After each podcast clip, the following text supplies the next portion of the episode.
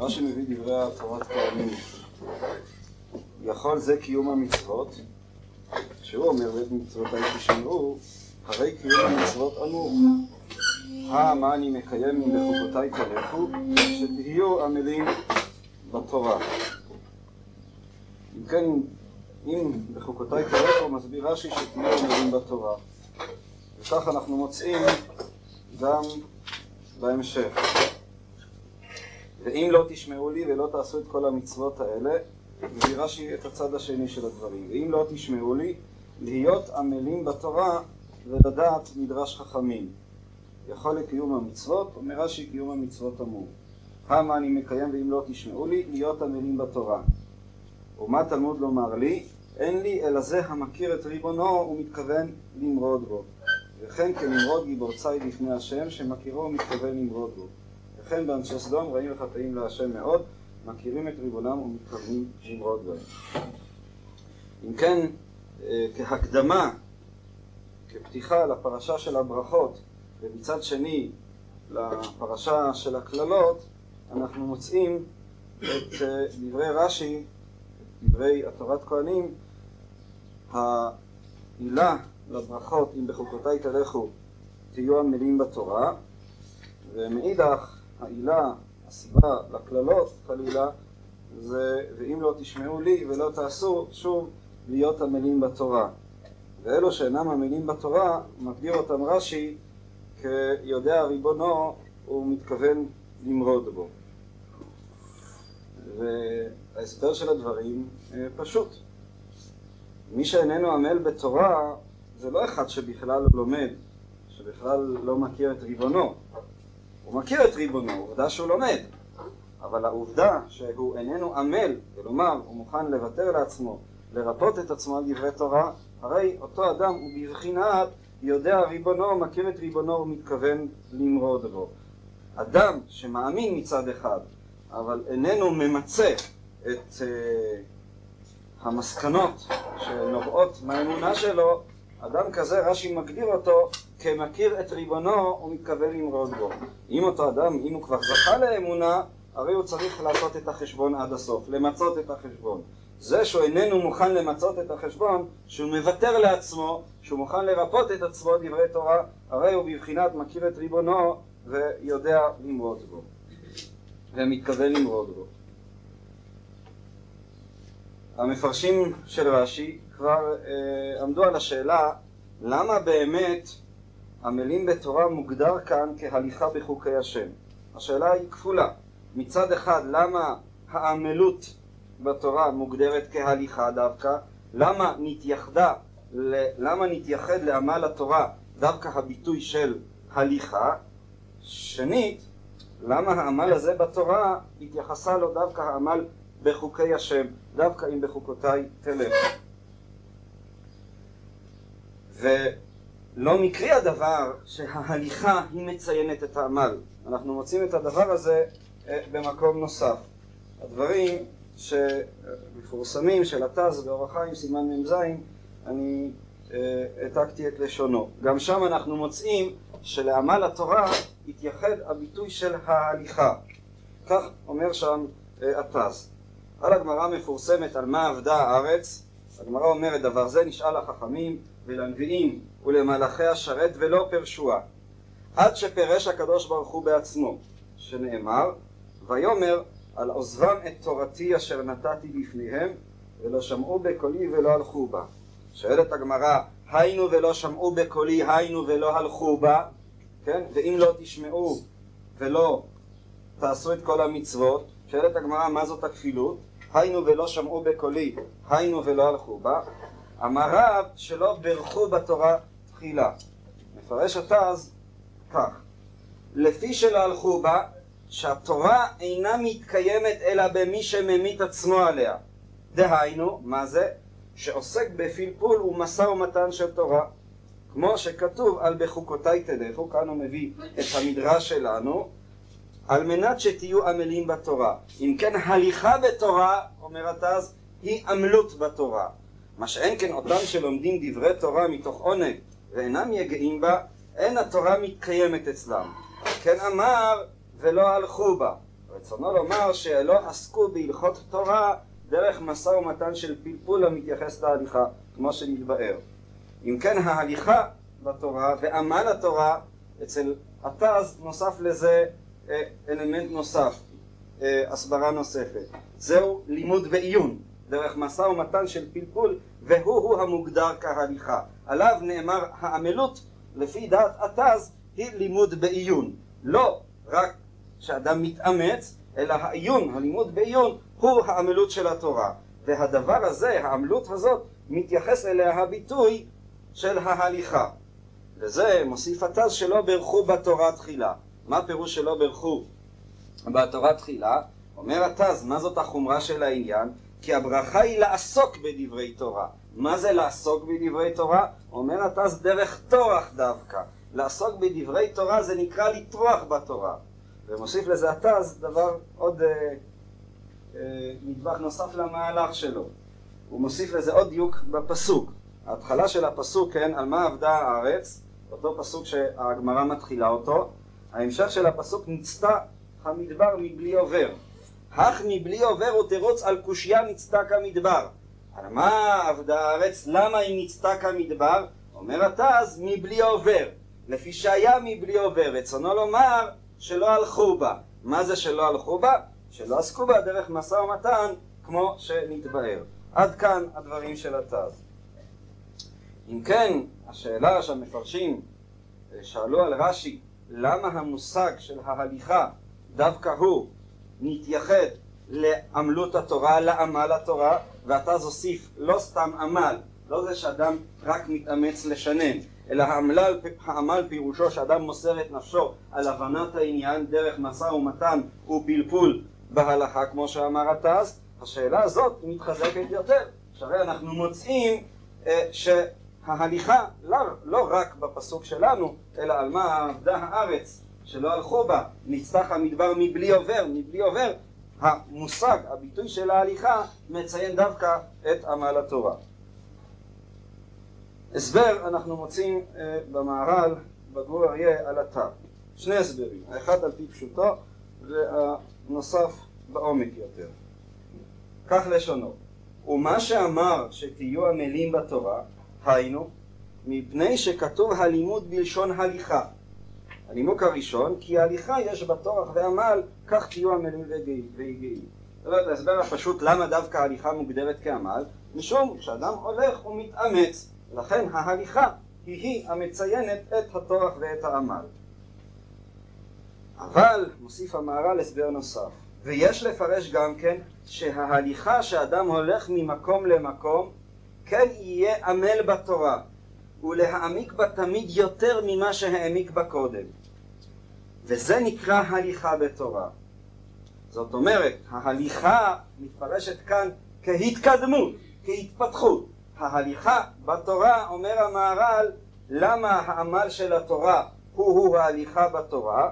משום שהליכה פירושה שאתה לא כופה על השמרים, שאתה לא דורך במקום, שאתה מתקדם, שאתה מתפתח, שאתה מתעלה, שאתה אינך נמצא באותו מצב עצמו. זה נקרא ללכת. ומשום כך, המילה הליכה נדרשת בדברי חז"ל על עמלה של תורה דווקא. משום שהדרך היחידה להתקדם ולהתפתח היא דווקא דרך העמל, היא דווקא דרך היגיעה.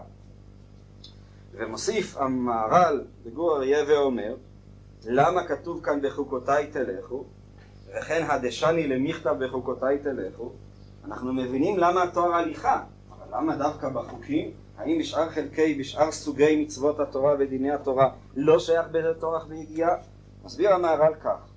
מפני שהחוקות הם דברים שאין טעמם ידוע לאמיתתם ואפשר לאדם להשיג מעט מהם והוא הולך ומעמיק תמיד יותר ממה שהשיג בראשונה לכך כתב אצל החוקות הליכה המורה על הטורח.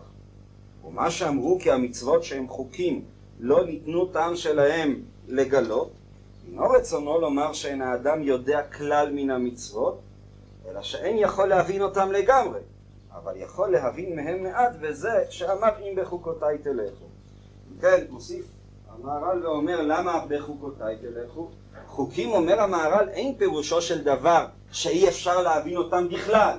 שאי אפשר להבין אותם כלל, חוקים פירושו של דבר, אומר המהר"ל, שאי אפשר להבין אותם לגמרי. אף פעם אתה אינך יכול למצות את טעמם. אין בהם הבנה שלמה ומוחלטת. לכן אומר המהר"ל, התואר של ההליכה שייך בדווקא ביחס לחוקים. למה? משום שהחוקים הם אלה שמאפשרים לאדם ללכת ולהמשיך וללכת ואף פעם לא לסיים את הליכתו. כיוון שהחוק הוא דבר שאומנם מצד אחד הוא ניתן להבנה, אבל ההבנה היא הבנה שהיא כל הזמן מתקדמת ומתפתחת והולכת, היא אף פעם לא ממצה את העניין, משום, משום כך תואר ההליכה שייך דווקא ביחס לחוקים. חוקים זה לא דבר שאתה לא מבין בכלל, חוקים זה דבר שאתה יכול כל הזמן להתקדם וללכת ולהבין אותו הלאה.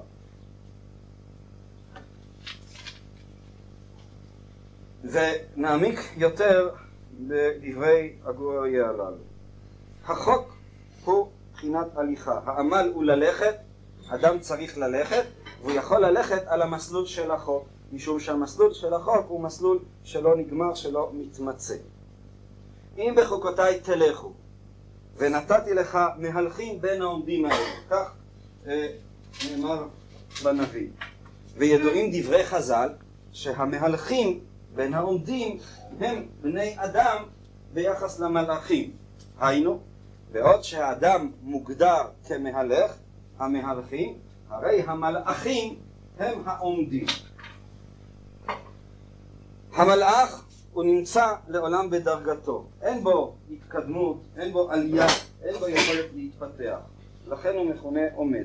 האדם מוגדר כמהלך, וגם כאן אנחנו נזקקים לדברים של המהר"ל בתפארת ישראל פרק ב', למה הגדרתו של האדם שהוא יצור ומוגדר כמהלך, האדם המהלך, כמו שאומרים האדם החושב, הרי לפי דעת ההגדרה הזאת האדם הוא המהלך, לפי איך שחז"ל הגדירו את האדם.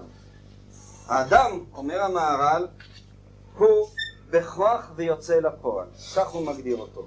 האדם זוהי המציאות שלו, לעולם האדם הוא יצור, הייתי אומר פוטנציאלי. במציאותו הארצית, בהיותו בגוף, אומר המהר"ל, הוא לעולם יהיה בכוח, הוא אף פעם לא יכול להגיע לכלל מימוש מלא, הוא אף פעם לא יכול למצות את כל מה שטמון בו, הוא לעולם מעצם הגדרתו הוא נמצא בכוח ויוצא אל הפועל. וכך מסביר המהר"ל. הוא נקרא אדם, ויראה, למה הוא נקרא בדווקא אדם? ששמו מורה על דבר העצמי לו. אדם, אומר המהר"ל, זהו הדבר העצמי לאדם, שהוא מיוחד בו האדם מכל. וזה, כי האדמה היא מיוחדת בזה שהיא בכוח, ויש בה יציאה לפועל, ולפיכך שמו ראוי לו. האדמה היא הדבר שמתוכו הכל צומח, מתוכו הכל מתפתח. האדם מהותו היותו פוטנציה, היותו יצור מתפתח. בעצם הגדרתו הוא יצור שמתממש והולך. יש בו שני כתבים, אומר המהר"ל. מצד אחד הקוטב האלוקי, נשמתו מהעליונים. יש בו שאיפה למשהו אינסופי, למשהו שלם, למשהו מלא, למשהו שהוא אלוקי. מאידך הוא נמצא בעולם הזה. המציאות שלו בעולם הזה לא מאפשרת לו לממש את אותה אינסופיות. משום שבזה שהוא נמצא בחומר, הוא נמצא במקום מסוים, עושה דברים מסוים, מסוימים, מוגבל בהגבלות מסוימות, כן? השכל שלו מוגבל, הכוחות שלו מוגבלים, הגוף שלו מוגבל, כל המציאות שלו הוא חי בחברה מסוימת, מתוך אמונה מסוימת, הוא אף פעם לא יכול להגיע למשהו מוחלט ושלם, הוא תמיד יחיה יחסית למציאות שבה הוא נמצא. זאת היא למעשה הסתירה של האדם. משום כך האדם הוא יצור חסר, אומר המהר"ל. מה פירוש האדם הוא יצור חסר? האדם הוא יצור שיש בו רצון לשלמות שאיננה. זאת היא עצם הגדרתו. מצד אחד הרצון לשלמות זה מרכיב שקיים אצלו, עצמי לו, אבל מצד שני העובדה שהשלמות הזאת היא איננה, לפי ההסברה של המהר"ל, היא לא פחות מהותית מהעובדה שאומנם יש לו כיסופים כאלה עליונים להגיע לאיזה מצב עליון, למצב של הבנה מלאה, למצב של שמחה מלאה, למצב של דבקות מושלמת, למצב של עושר עליון וכן הלאה. הוא מציאות חסרה, הוא רצון לשלמות שאיננה, הוא רצון לשלמות משום שהיא איננה. אבל היא גם לא תוכל להיות. זה מצבו של האדם.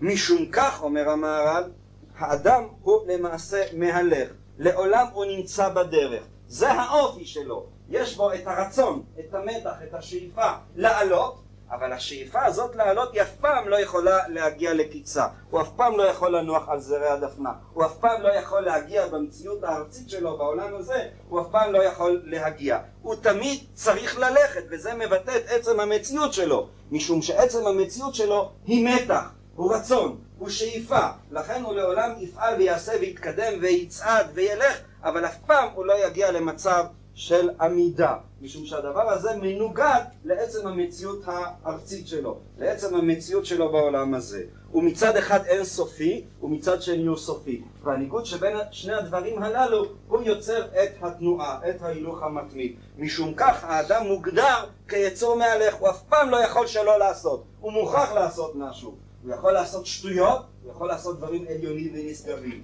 אבל הוא לא יכול שלא לעשות. ברגע שהוא יפסיק לעשות, לגמרי באותו רגע הוא ימות. קיומו הוא עצם ההילוך. ההילוך הזה יכול להיות בכל מיני כיוונים, אבל זהו הסוד של הקיום של האדם. ונתתי לך מהלכים בין העומדים האלה. אדם לעמל יולד. אמר רבי אלעזר, איני יודע, אני שוב מצטט את הגמרא ודברי המהר"ל עליה מאותו מקום, איני יודע אם לעמל פה, אם לעמל מלאכה, הוא לא- נולד לאדם, לעמל, זה גורלו של האדם, אי אפשר להתבטא. מי שחושב שהוא יכול להתבטא בעולם הזה, הוא יגלה חיש מהר שלהתבטא אי אפשר.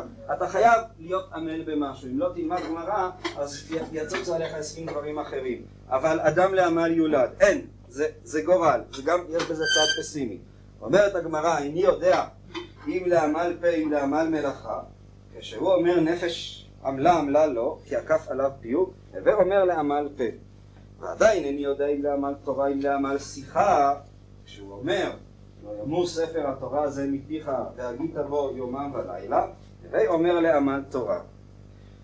מוסיף המהר"ל, ובערו בזה הדברים אשר אמרנו, כי האדם הזה לא נברא בשלמותו האחרון.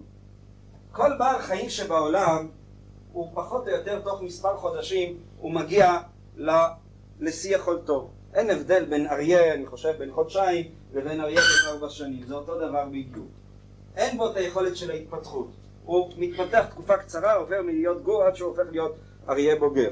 האדם הוא היצור היחידי שאף פעם הוא לא מגיע לשיא שלמותו, לשיא התפתחותו. הרי גם התקופה, האדם הוא יצור שונה מכל היצורים שבעולם במובן הזה שתקופת הילדות שלו נמשכת שנים ארוכות. עד שאדם ממשיך להיות אה, ממש הוא אדם בוגר שעומד על הרגליים מבחינה פיזית ונפשית ורוחנית, הרי זה יכול לקחת 15-20 שנה. וזה, מבחינה זאת האדם הוא שונה לחלוטין מכל היצורים אשר בתבל.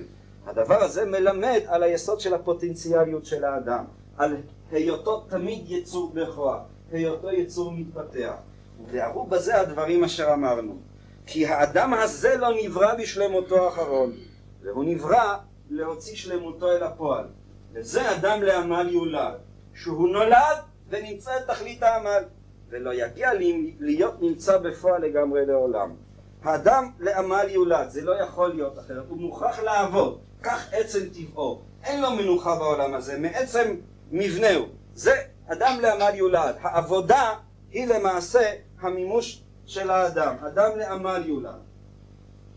היא לא יכולה, הליכה אינסופית זו, היא אפשר לה, שאפשרית רק במציאות אינסופית, והיא המציאות של החוק. כלומר, האדם בהליכתו האינסופית הוא מוכרח להתקשר לאיזשהו אידיאל, לאיזושהי מציאות שהיא אף פעם לא נמצאת, לא, לא, לא, לא, לא נגמרת, היא אף פעם לא אה, אה, אה, מתמצאת.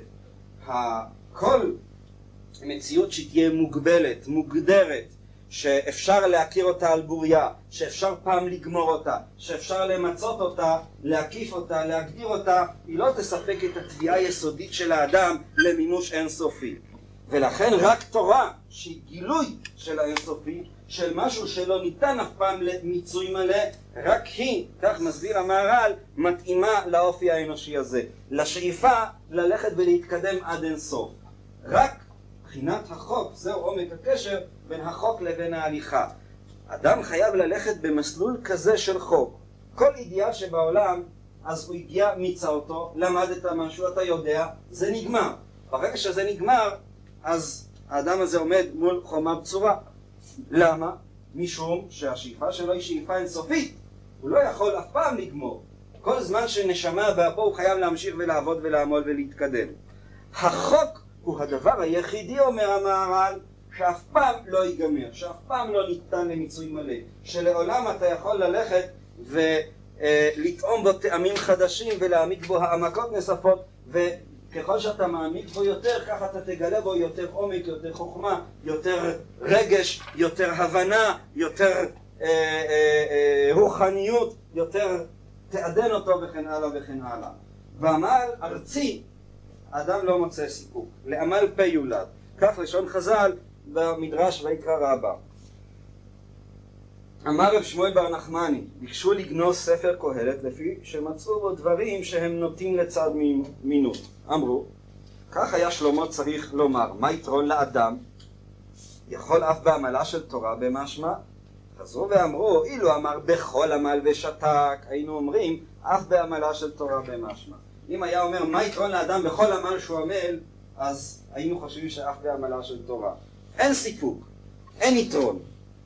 האינו אומר אלא בכל עמלו, בעמלו שאינו מועיל, אבל בעמלה של תורה מועיל. אמר רבי יהודה תחת השמש אין לו, למעלה מן השמש יש לו. כל זמן שהעמל של האדם הוא עמל ארצי, הוא עובד, רוצה שיהיה לו כסף, רוצה שתהיה לו וילה, רוצה שיהיו לו מכוניות, רוצה שיהיה מפורסם, רוצה כבוד, רוצה מעמד חברתי, אין יתרון לאדם בכל עמלו. בסופו של דבר זה נגמר. הוא כבר מגיע למה שהוא מגיע, ואז אין לו כבר מה לעשות, ואז הוא משתעמם, ואז הריקנות וחוסר הסיפוק מתחילים שוב לנקר בו כהתחלה, כמו בהתחלה. הדבר היחידי שיכול להעניק לו סיפוק זה אידיאל אינסופי. אידיאל שבעצם הגדרתו הוא לא ניתן להגדרה. איזה תנועה אינסופית, איזה משהו נסתר, איזה משהו עלום, איזה חוק. חוק שאתה יכול להתקדם ולהבין אותו. איננו סתם איזה גזירה חסרת הבנה. אבל עניינו שאתה אף פעם לא יכול להבין אותו עד הסוף. תמיד נשאר בו סרח עודף שהוא יתר על מה שהאדם מבין בעצמו. לכן, תחת השמש אין יתרון. בסופו של דבר אי אפשר להגיע לכלל סיפוק מלא בשום דבר ארצי, אלא אם כן אותו דבר ארצי יהיה מקושר למשהו רוחני, למשהו עליון, למשהו אינסופי, למשהו שמבטא באמת את האינסופיות, את הרצון של האדם לאינסופיות.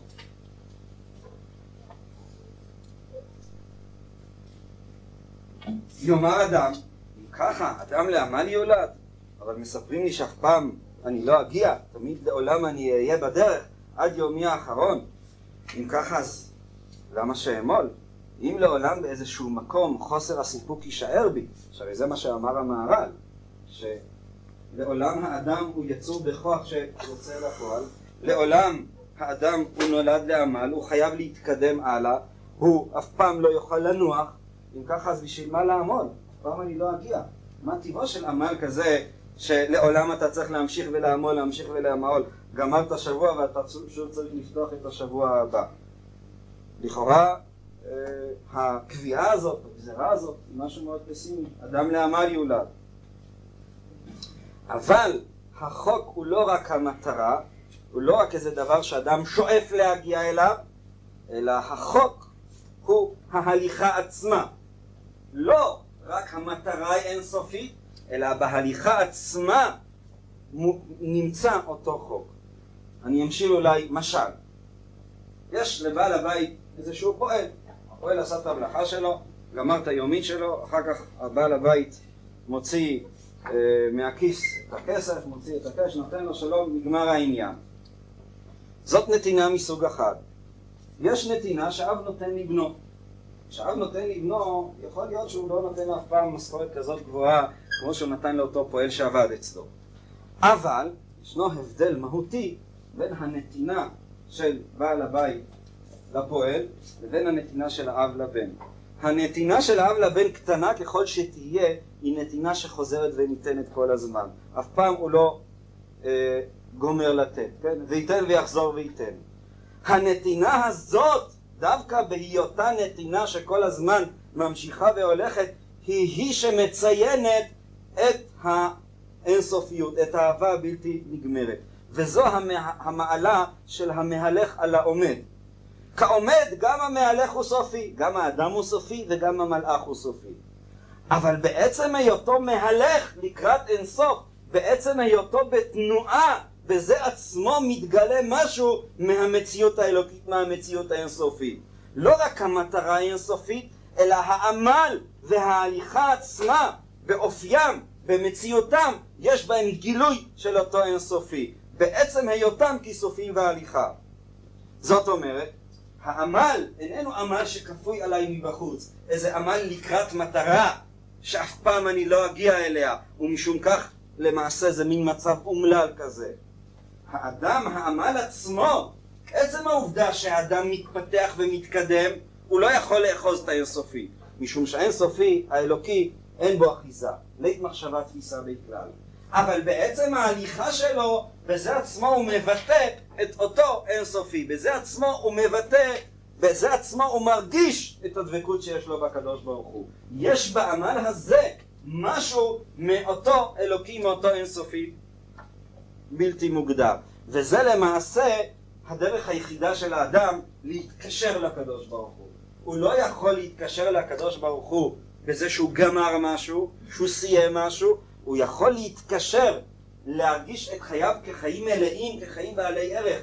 לא בגלל זה שהוא הגיע למשהו, שיש לו משהו, אלא בגלל זה שהוא מתקדם לקראת משהו, שלעולם הוא הולך ומתקדם, ובזה עצמו שהוא מתקדם, הוא מרגיש את הנועם ואת התענוג ואת השמחה שבהליכה שלקראת האינסוף. אמור מעתה, אסור לו לאדם לומר, זאתי האמת, גמורה, מסוימת, קבועה. באמירה שכזו האדם מקצץ בנטיות. הוא הופך את האמת למשהו סופי, למשהו אנושי, לאידיאל. יש אידיאל קומוניסטי, ויש אידיאל ליברלי, ויש אידיאל קפיטליסטי וכן הלאה. אלה אידיאלים מוגבלים, כזה, אין יותר. האדם צריך לאחוז באמת אינסופית שהיא אמת שבדרך, היא אמת שמתקדמת והולכת. האמת היא צריכה להיות אמת שבהליכה, אמת שמבטא את האינסוף, אבל היא לכשעצמה, אף פעם אתה לא תתפוס אותה באינסוף. והאמת הזאת היא תוצאה של העמל, של ההתלבטות, של הפלפול הפנימי, ורק בבחינה הזו יש בה גילוי אלוקי. כשאדם מפלפל בסוגיה, כשהוא מתאמץ להבין, כשהוא מנסה להבין איזושהי סוגיה רוחנית, אז הוא אף פעם לא יכול לגמור את העניין. אבל עצם הדבר הזה שהוא מנסה להבין ושוקל מפה ויוצר משם ועובד ומשנה ומחדש וכל פעם מבין יותר, בזה הוא מגלה את הדבקות ואת האהבה האינסופית שיש לו לקדוש ברוך הוא. אדם לעמל יולד. זה יכול להיות קללה, אבל מצד שני זה יכול להיות גם כן, או זאת היא הדרך היחידה שהאדם באמת יכול לממש את מציאותו, לממש את תביעתו, היותו יצור אה, בכוח, כמו שאומר המהר"ל, שיוצא לפועל. זה חלקם, זה המציאות של התורה, זה שחלקם של ישראל שנמשלו ללבנה, שעתידים להתחדש כמותה. המציאות של יהודי היא מציאות שאף פעם לא נגמרת. תמיד הוא מתקדם, תמיד הוא מתחדש. חג השבועות שבו מתן תורה, שבו מקריבים מנחה חדשה להשם. בחוקותיי תלכו, זהו חוק. אמר להם, מדרש רבה בבראשית רבה, כי לא דבר ריק הוא מכם, ואם ריק הוא מכם, למה? אתם יודעים לדרוש. בשעה שאתם יגעים בו, כי הוא חייכם, ממתי הוא חייכם? בשעה שאתם יגעים בו. היגיעה בתורה היא היכולת הדרישה שבתורה. כמו שלמדנו מדברי התז, בעצם מדרשי כבר אמר את הדברים בפירוש השני שלו, כשהוא אמר שלהיות עמלים בתורה ולדעת מדרש חכמים. הרי שדרישת התורה זה למעשה היגיעה בתורה. הדרישה של התורה לא דבר ריק הוא, ואם ריק הוא מי. כן התורה זה לא דבר שהוא מתמצא, זה לא דבר שהוא נגמר, זה לא תוכן סופי, זה דבר שלעולם אתה יכול להבין אותו ולהעמיק בו ולהפוך בו ולהבין אותו מכל מיני זוויות, זוויות ולטעום בו טעמים חדשים ולגלות בו הבנות חדשות וכן הלאה. זאתי המציאות של התורה. אם ריק הוא מכם הוא ריק.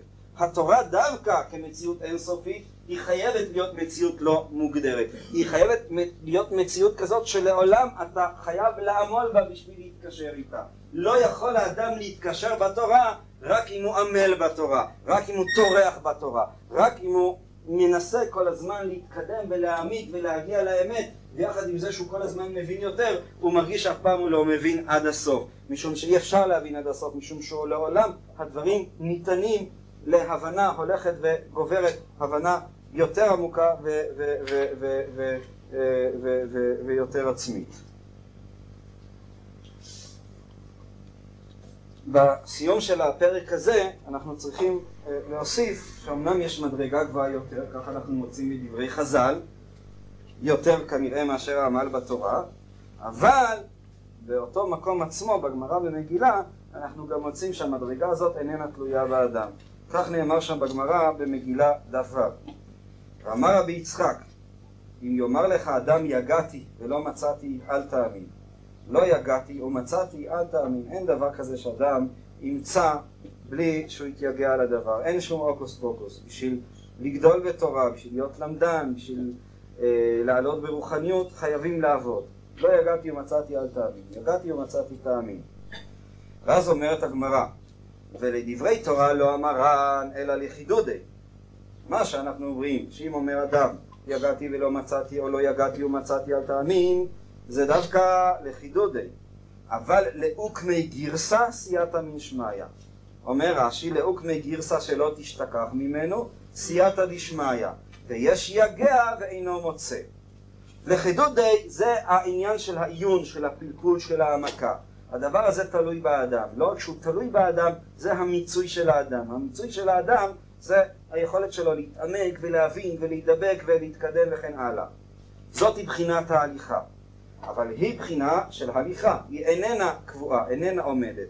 לאוקמי גרסה, להעמיד, לעמוד על הגרסה, שלא תשתכח, שזה יהיה כבר דבר מוחלט, קבוע, נצחי. תורה שאדם לומד מטבעו שוכח, וזה נובע מעצם המושג של ההתפתחות שדיברנו עליו. כל הזמן מתגלות לו הבנות חדשות, הבנות עליונות יותר, והישנות הן נשכחות חולפות להן, הן הופכות להיות חסרות משמעות לגביו. לא הרי התורה שאני לומד היום כמו התורה שלמדתי לפני חמש שנים ולא הרי התורה שאני לומד היום, כך אני מקווה, כמו תורה שאלמד עוד חמש שנים. אחרת באמת זה היה מצב אומלל.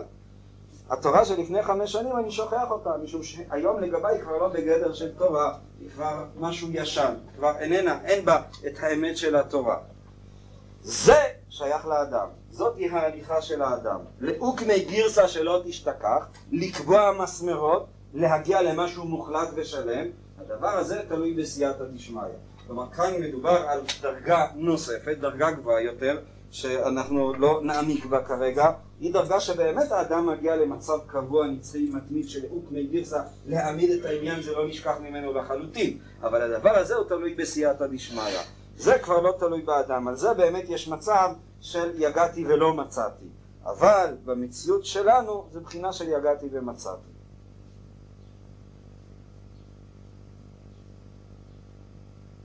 הגמרא בברכות בדף כ"ב. שם אנחנו מוצאים בעניין הזה של היגיעה גם כן אה, דעה מאוד מעניינת. הגמרא שם דנה ביחס לטבילת עזרא. טבילת עזרא זה טבילה שנתקנה לבעל קרי, אדם שראה קרי, אז אדם כזה אה, הייתה תקנת עזרא שיהיה אסור לו ללמוד תורה לפני שהוא טבל. והגמרא למדת את זה מהיקש, היקש למתן תורה. ותניא והודעתם לבניך ולבני בניך וכתיב בתרי יום אשר עמדת לפני השם אלוקיך בחורב אם כן יש לנו כאן היקש יש לנו היקש בין והודעתם לבניך ולבני בניך שזה לימוד תורה לבין מתן תורה יום אשר עמדת לפני השם אלוקיך בחורב אומרת הגמרא מה להלן באימה וביראה וברטט ובזיעה כמו שבמתן תורה הרי התורה ניתנה באימה ויראה ורטט וזיעה אף כאן באימה וביראה וברטט ובזיעה. זאת אומרת, אז גם כשאדם לומד תורה הוא צריך ללמוד תורה באימה וביראה וברטט ובזיעה. מכאן אמרו, הגמרא מביאה ברייתא בתוספתא, הזווית והמצורעים ובאים אל המידות מותרים לקרות לתורה ובעילאים ובכתובים, לשנות במשנה וגמרא ובהלכות ובאגדות, אבל בעלי קריין, בעלי קרי אסורים. זאת אומרת, דעת תנא קמא שמישהו טמא זר, מצורע, אפילו בעל עמידה, איננו, מותר לו לעסוק בדברי תורה. לעומת זאת בעל קרי אסור. יוסי אומר, שונה הוא ברגיליות ובלבד שלא יציע את המשנה. אומר רש"י ככה, מאוד מעניין, רש"י אומר ככה מכאן אמרו כל הטמאים מותרים בתורה, שאף הם יכולים להיות באימה וביראה. הטמאים מותר להם ללמוד תורה, אינם חייבים טבילה. אבל בעל קרי אינו אלא מתוך קלות ראש וזכות דעת, לכן הוא חייב בזמן עזרה, זו תביעה שהתבטלה אחר כך, טבילה שהתבטלה אחר כך, תקנה שהתבטלה, אז איננו, הוא אסור בתורה.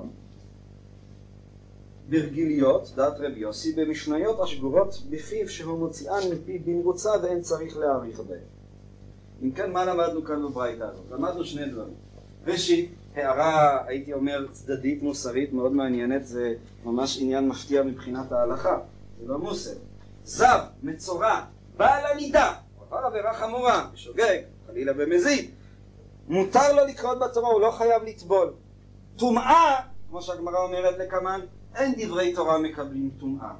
בעל קרי, אומרת הגמרא, דווקא הוא חייב בטבילת עזרה. ורש"י מסביר את הדברים. למה? טומאה היא לא מנוגדת למושג של אימה ויראה. יכול להיות אדם טמא, אבל הוא יהיה באימה ויראה, הוא יהיה רציני, הוא לא יהיה בקלות ראש. ועל קרי, אומר רש"י, הוא חייב בטבילה. זאת אומרת, מה שמנוגד ללימוד תורה איננו הטומאה עצמה. הטומאה עצמה אין דברי תורה מקבלים טומאה. מה שמנוגד לדברי תורה זהו בעל הקרי, שהוא נמצא בקלות ראש, בזכיחות הדעת. כן, קרי לשון ארעי. הוא לא רציני, הוא לא קבוע, הוא ככה יום ככה יום ככה, כן? הוא, הוא לא מתמיד, הוא לא יגע בתורה. בעל הקרי איננו יכול לטבול, הוא חייב אה, לטבול את אותה טבילה שהיא הטבילה של האימה והיראה הנלמדת ממעמד הר סיני. הטמא לאו דווקא.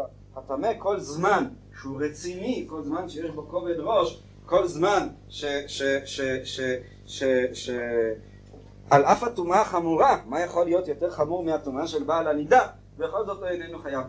בו שפיר יכול להתקיים העניין של אימה ויראה, ודווקא בעל הקרי לא יכול להתקיים בו העניין הזה, וזהו הניגוד ללימוד תורה. הניגוד ללימוד תורה זאת קלות הראש. זאת הרגשה, כך, אחרת, מה זה משנה אם התירוץ בתוספות הוא כזה, התירוץ בתוספות הוא אחר, נעשה כרך צפון, נעשה... רק רצינות וחתירה אמיתית לאמת, רק היא שייכת ללימוד תורה. דעת רבי יוסי מעניינת לא פחות. לפי דעת רבי יוסי צריך טבילה, אבל במה צריך טבילה? צריך טבילה רק אה, שונה וברגיליות ובלבד שלא יציע את המשנה. כלומר, בדברים שהוא רגיל בהם, דברים שאינם חדשים בשבילו, במשניות השגורות בפיו שהוא מוציאם מפיו במבוצע ואין צריך להאריך בהם, בזה הוא לא צריך טבילה. רבי יוסי מחלק בין דבר חדש שאדם לומד, שהוא צריך עיון, שהוא לא יכול ללמוד אותו במבוצע, לבין אם אדם כפום ריהטה אומר את המשניות השגורות בפיו, שאז דבר כזה איננו צריך טבילה.